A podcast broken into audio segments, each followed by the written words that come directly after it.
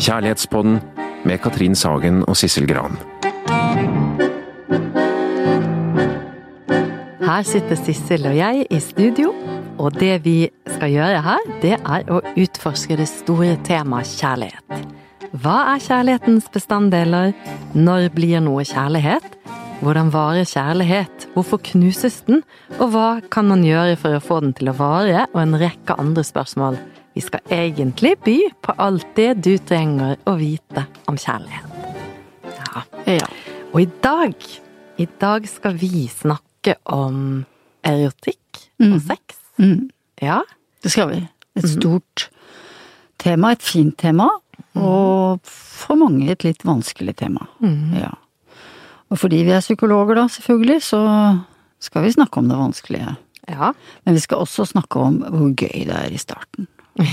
ja. Og det, det skal vi det skal vi prøve å mm, reflektere litt rundt nå, altså. Hvorfor er det så veldig fint eh, i starten av et forhold? Altså det da, altså da er det jo sjelden et seksuelt problem eller et erotisk problem i et parforhold. Det er ikke det som preger starten av et forhold. Der hvor det er en kanskje en forelskelse, da. Som er gjensidig. Mm.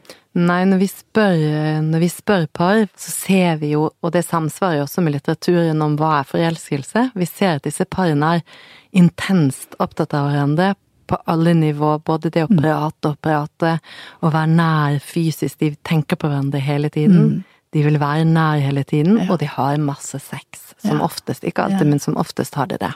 Ja. hva skal vi si, det er noe evolusjonært på en måte ved det, tidlige parforholdet. Altså fordi det er nesten som om de to partene bygger ned sine egne personlige grenser overfor hverandre for å liksom slippe hverandre helt inn i sitt innerste, ikke sant? Og det må kanskje til for at vi skal våge å ta sjansen helt på en annen, også fysisk, ikke sant? For det kan jo være både skremmende og farlig å slippe en annen person helt inn på kroppen din, på ditt aller mest private, men det gjør, det gjør par i det tidlige forholdet, øh, og veldig mange kommer seg jo ikke ut av senga. Nei. De kommer seg ikke ut av senga. De eh, bor der altså hele helgen, eller kanskje hele uka. Jeg husker et par som jeg snakket med, som da hadde fått problemer mange år etterpå. De sa at eh, de var arbeidsudyktige, altså. Det første halvåret de var sammen. Fordi, og de var nesten glad da det begynte å roe seg litt igjen, fordi Det er slitsomt. ja, de, følte, de, var helt koblet på hverandre, rett og slett. Ja. Men eh, eh, du vet, man kaller jo liksom pardannelsen sånn for eh, Hva skal vi si, et sånt big bang, ikke sant? Mhm. Hvorfor er det det? Altså, det, er eh, Fordi det er starten på noe helt nytt. Mhm. Og det er eh, ekstremt eh, Altså, man blir så risikovillig. Mhm. Man tør så veldig mye, ikke sant? Ja, for vi sier jo at man er nærmest eh, psykisk syk, selv om man på en måte er frisk. Man gjør, man tar for altfor stor risiko, og man utsetter seg selv for å, å eh, ja, kunne miste jobben, eller I hvert fall gjøre en dårlig jobb. Ja, fordi at man eh, bare vil være sammen med den ene, og det Ja. er det det handler om. Ja da. Mm. Ja, det sier jo mange som har en forelsket venn eller venninne, at det er gleder seg til den personen liksom kommer tilbake til normalen igjen og slutter å ha det litt forrykte uttrykket i øynene, sånn at det kanskje går an å ta en øl med kompisen eller snakke med venninnen sin om noe annet enn den kjæresten hun er så ekstremt opptatt av og forelsket i.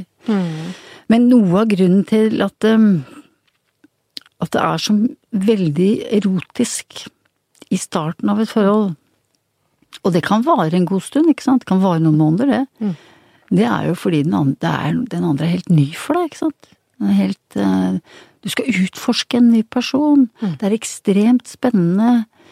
Uh, ting skjer for første gang, og for andre og tiende gang, men altså, i begynnelsen så skjer det for første gang, og det er så det er ingenting, tror jeg, som tenner oss så veldig som eh, dette med å utforske. For det er jo si, det er jo en grunnfølelse hos mennesket. Å være nysgjerrig, å være utforskende, å være strukket ut mot verden, ikke sant. Mm. Og det er nok en av grunnene Det grunnene spenning, Ja. spenning i dette som, som snakker sammen med det erotiske, Mm. med erotikken. Um, Ja. ja. For det handler jo ikke bare om sexen, men det handler jo om uh, handler om blikkontakt, for eksempel. Veldig forelskede mennesker kan jo stirre hverandre inn i øynene, vet du. Mm. I timevis. Akkurat som uh, mammaer og pappaer gjør med babyen sin, da. Mm. Og det er vel eneste gang i livet, de to gangene i livet voksne virkelig gjør det, ser dypt inn i en annen persons blikk Mm. uten flauhet og skam. Mm. Altså enten altså om det er babyen eller kjæresten, den nye kjæresten. Såpass, over såpass lang tid over uten å vike. lang tid. Ja. Uten å vike, og uten å tenke at det er fryktelig kleint. Mm. Så det er litt rart. Mm. det er nesten som om man prøver å komme inn i den andre. Jeg husker en kvinne sa de første ukene, månedene vi var sammen, og når vi hadde sex, så følte jeg at jeg forsvant inn i kroppen hans. Mm. Det var sånn. vi ble én person. Ja. Ja. Og det er klart det er euforisk, det er berusende, og det er jo ekstremt mye biokjemi i dette her også, ikke sant? Mm. Um, og dette, det som er så, hva skal vi si, ikke sørgelig, men som er utfordrende med dette her, det er Det kommer ikke til å være akkurat sånn bestandig. Nei, den intensiteten Mm. er vanskelig å holde, er umulig å holde. Men jeg bare slo meg, jeg bare kom på en, en samtale om en pasient som sa at i begynnelsen så var det som at hver eneste celle i hele kroppen min bare tenkte på at jeg må lage barn med han, vi må lage barn, vi må bli mer, Mm. vi må Det må bli oss to må lage avtrykk på en eller annen måte. At det var helt sånn intens lengsel etter, etter det der å smelte sammen. At det er biologien, akkurat som hun sa Det var akkurat som at jeg var biologi på en eller annen måte. Ja, Så det var litt fint sagt. Ja, det er jo veldig fint sagt. Mm. Men det er jo dette, altså det som er, preger da et sånt tidlig forhold, det er jo at det er veldig erotisk. Det er veldig intenst. Det er en del frykt i det. Frykt og uro, altså for at det ikke skal vare. Frykt for å miste den andre, at han eller hun skal bare si takk for seg. Så usikkerhetsmomentet er med på å gjøre det såpass erotisk, kan vi si, for vi vet at nettopp det med, med, med frykten for å miste Mm. eh, er på en måte et element i erotikken, eller hva skal jeg si, snakker med erotikk, med det erotiske. Ja. Kan vi si det sånn? Ja, ja, ja. Ja. Absolutt. Så, så grunnen til at det er, så, det er mange grunner til at begynnelsen ofte blir så erotisk. Det er både det at det er spennende og nytt, og man føler seg levende, og det blir en dette med big bang, det er liksom en ny start, man blir revitalisert, man blir en annen sammen med den andre. Man har lyst til å smelte sammen og lage bare et Dette med å lage barn, man har lyst til å Vi skal lage avtrykk, vi skal bli større enn oss selv. Eh, Og frykten for å miste, for det er som du sier masse frykt i begynnelsen når vi er forelsket, for vi vet ikke nødvendigvis om det kommer til å vare, eller vi er redd for at det skal ta slutt, eller redd for at den andre skal velges vekk, og masse redd for ulike ting. Ja, fordi det har du helt rett i. Fordi, og det du snakker om nå da, det er at det er litt utrygt. Og det er eh, ingen, nesten ingenting som gjør oss så på alerten, altså som gjør oss så oppmerksomme. oppmerksomme. Og så årvåkne som at er, ting er litt utrygt.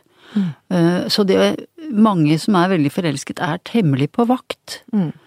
Eh, men det kan veksle. Altså inn i det varme, det nære, det vidunderlige. Litt av og på. Og så Mm. litt ut i det utrygge, litt eh, Kan dette vare? Er dette meg? Eh, er dette fremtiden? Kan jeg regne med deg? Altså at dette det, Man veksler litt på i de følelsene, og det er klart at det gjør at man eh, Man blir veldig erobrende i måten sin å være overfor den andre på. Man ser alt ved den andre, man leser den andres signaler, man blir veldig årvåken, passer på, og syns selvfølgelig at alt ved den andre er fantastisk, ikke sant? Mm. Også, Og det er ingenting som er bedre enn å være sammen med, med ham eller henne. Mm.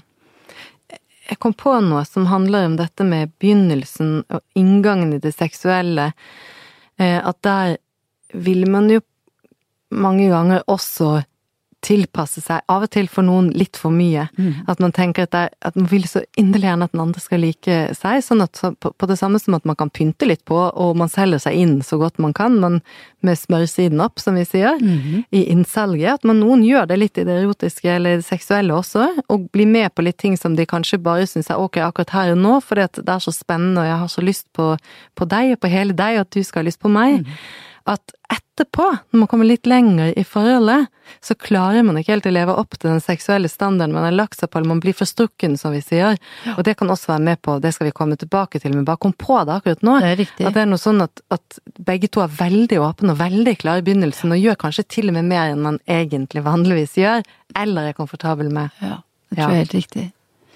Men for alle så kommer det til et sånt punkt Forfallspunktet kaller eh, en som heter Roland Barthe, som har skrevet en bok om eh, kjærlighetens ABC, altså som heter eh, eh, Kjærlighetens språk, eller diskurs. Ja. Og han sier at um, på et eller annet tidspunkt så skjer det noe. Uh, den andre sier et eller annet, eller gjør et eller annet, og det er som en sånn brist i det vakre bildet, sier han, altså. Um, og jeg kan få en sånn kjettersk tanke, òg. Uh, er hun ikke perfekt, eller er ikke han akkurat sånn som jeg trodde han var, og så videre. Så man kan, altså det vil oppstå Det i. Det oppstår i veldig mange forhold, og noen forhold stopper jo der, Mm. mens andre fortsetter. Men vi har en For de som, Mm. de som har lest eh, Kjærlighetens tre porter, din bok, da står Ja. vi i den første porten her, eller? Da står vi Er det andre? Nei, da er vi, da er vi så vidt gjennom den første porten, som virkelig er forelskelsen, ikke sant. Ja, nettopp. Og så begynner gjennom. vi utfordringene Og så mot- begynner sannhetsprøven og utfordringen og eh, Er du ikke akkurat sånn som jeg tenkte at du var, eller Ja, vi har forresten en ganske, eh, ganske artig beskrivelse av denne eh, En endring i Karl Ove Knausgårds Min kamp nummer to. Fordi det som skjer når et par har vært sånn ekstremt sammensmeltet veldig lenge, så kan det komme altså et slags behov for å, for å trekke seg litt unna, ikke sant, for å eh, Fordi nå har det vært sammensmeltning, nå har det vært nærhet, nå har det vært kontinuitet, og så kan det oppstå i den ene, kanskje mer enn i den andre, litt behov for sånn autonomi, altså, og litt behov for avstand, og litt behov for det diskontinuerlige. Og der har han en eh, Altså, han skriver veldig morsomt om det. Fordi han sier i boken her at for første gang i mitt liv var jeg absolutt lykkelig. For første gang så fantes det ingenting i livet mitt som kunne overskygge gleden jeg følte oss over å være sammen med Linda, da. Vi var sammen hele tiden, skriver han, og vi trev plutselig etter hverandre overalt, og i lyskryss over restaurantbordet på busser og parker, det fantes ikke krav og ingen vilje, skriver han, annet enn den til hverandre, jeg følte meg helt fri, men bare sammen med henne. Og så beskriver han også hvordan vennene sier at de er helt umulig å være sammen med, for de har ikke øye for andre enn hverandre, og det er bare slitsomme, ikke sant. Men så går den sommeren, så går det noen uker, og så er det litt tilbake i hverdagen. Han skriver, hun sykler til, eh, til skolen eh, der hvor hun går. Eh, og så eh, er det jo masse sammen. Fortsatt er det helt, helt, helt vidunderlig. Eh, og han vil bare være sammen med henne, men så oppstår det en situasjon som ligner litt på det Roland Barth snakker om, og da snakker om forfallspunktet. Og det eh, skal Olav G. Furuseth lese for oss. Alt var som det hadde vært. Samtidig ikke. For umerkelig, så umerkelig at det nesten var som om det ikke hendte, ble noe i livet vårt mattere. Gløden som drev oss både mot hverandre og ut i verden, var ikke like sterk lenger. Små misstemninger kunne oppstå. En lørdag våknet jeg og tenkte hvor bra det hadde vært å være litt for seg selv. Gå i noen antikvariater, sitte på en kafé og lese aviser. Vi sto opp, gikk ut på den nærmeste kafeen, bestilte frokost, det vil si grøt, yoghurt, ristet brød, egg, juice og kaffe. Jeg satt og leste avisene. Linda stirret ned i bordet, eller ut i lokalet, sa til sist, Behøver du sitte der og lese, kan vi ikke prate isteden? Jo, selvfølgelig, sa jeg og lukket avisen, og vi ble sittende og prate. Det gikk fint. Den lille, svarte flekken i hjertet var knapt merkbar. Et lite ønske om å være alene og lese i fred, uten at noen krevde noe av meg, gled fort over. Å, den lille svarte flekken i hjertet, det var Mm. Det var heftig beskrevet. Veldig pent, Ja. veldig fint. Veldig godt Sterkt. beskrevet og sterkt beskrevet, og det er vel Han beskriver nok noe veldig allmennmenneskelig der, altså som handler om at når man har vært veldig tett og veldig nær og veldig ett, så kan man nesten bli litt redd, ikke sant, for å miste seg selv. Mm.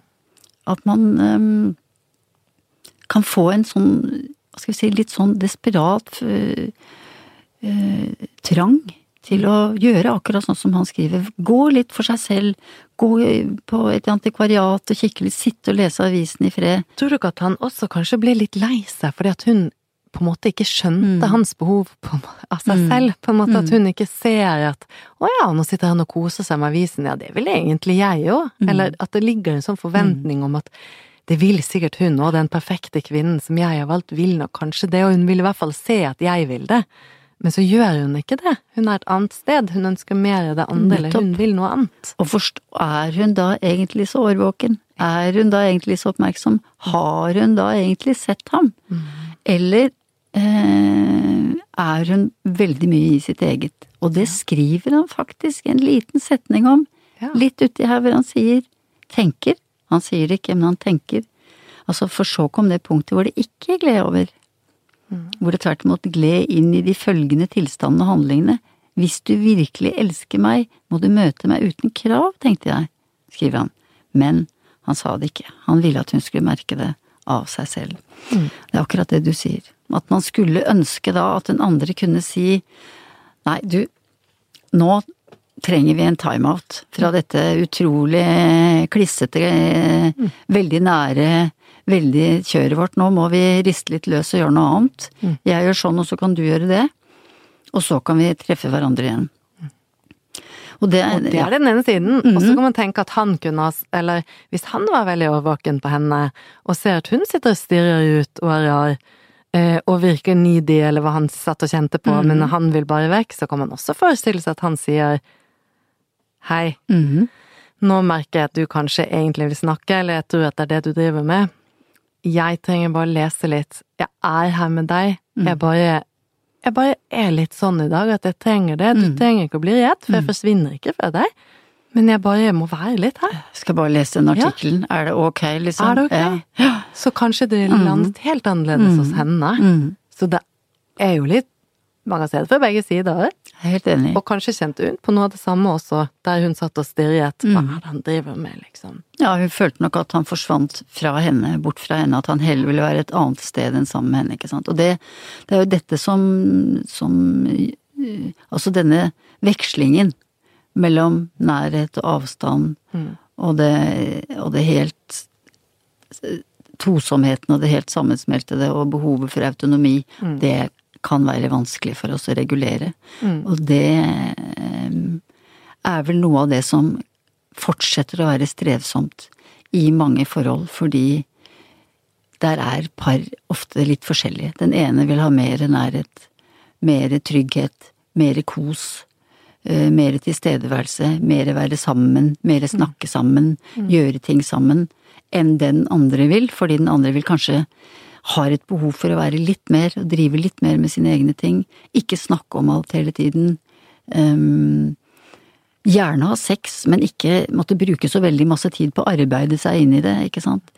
Uh, og så kan det oppstå en misstemning i forholdet, fordi de- matcher ikke så godt på dette. Nei, og da kan det også oppstå en sånn litt sånn eh, Ikke akkurat flørting med litt sånn små avvisninger av hverandre, hvis vi forestiller oss dette paret på kafeen nå utover dagen hvor de ikke kommer inn i på en måte rytmen sin igjen, og kanskje til og med at det ikke går over i løpet av dagen. Nå gled det over, han sier det, men la oss si det ikke gjorde det, da.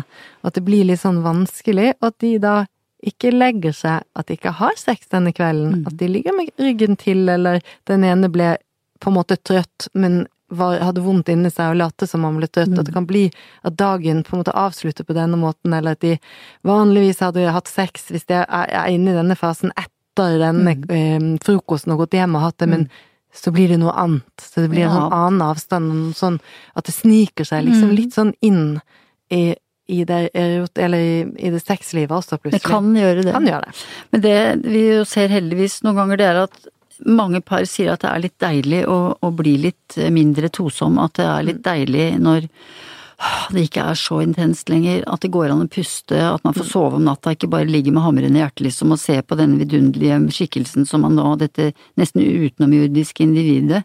Ja. At man liksom kan få tilbake seg selv lite grann, og, og falle litt til ro i det, i det mindre desperate, som jo forelskelsen handler om. Men det skal vi snakke litt mer om, eh, vi skal snakke litt mer om eh, neste gang. Mm. Om um, dette litt komplekse mellom altså det, trygge på den ene siden og det litt uforutsigbare på den andre. Behov for å være veldig nær og behov for å få lov til å være seg selv på den andre, og hvordan det um, kan skape vanskeligheter vanskeligheter i parforholdet, særlig i forhold til sex.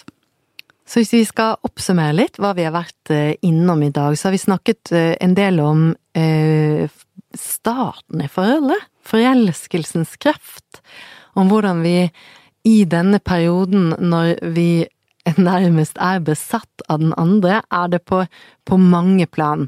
Også det erotiske. Der har vi ofte mye sex, og vi har mye berøring, og det er på en måte det erotikken får, en, får et stort rom i forholdet, kan vi si. Og at vi holder på med dette en god stund ofte. Og at vi vet at på et eller annet tidspunkt så roer kroppene seg litt. Så orker vi ikke å være så forelska lenger, kan man si. Eller så plutselig så ser man den andre i et litt annet lys, og så ser man kanskje hele personen, for det er jo et ekte menneske, hvor det er alt passer ikke så godt som man tror, for når man er forelsket, så tror man at vi er helt like, og alt er deilig, og det som er litt rart med deg, det har jeg også lengtet etter, det passer helt inn i meg, og alt er, alt er bra, og plutselig så er det ikke sånn, og da kommer dette som vi kan kalle forfallspunktet, eller der hvor vi blir utsatt for kanskje den første prøven i parforholdet. Tåler vi å kjenne på det som ikke er helt perfekt hos den andre? Ja.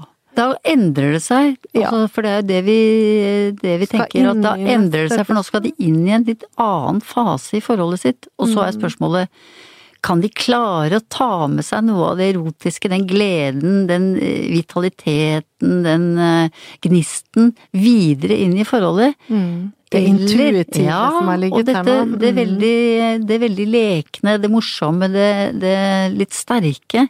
Dem imellom kan de klare å ta med det videre inn i forholdet, kanskje i året som kommer, året som kommer deretter, kan de klare å ta med det inn i et lengevarende forhold. Noen gjør det, andre strever med det. Og det skal vi utforske mer neste gang. Eh, Så du finner oss på Instagram, du finner oss på Facebook, og du kan laste ned episodene på iTunes eller i Spotify hvis du syns det er bedre. Og hvis du vil kontakte oss, så gjør du det eh, på eh, Facebook f.eks. på melding der, eller du kan også kontakte oss via Instagrammen vår. Takk for at du har hørt på, og ha det så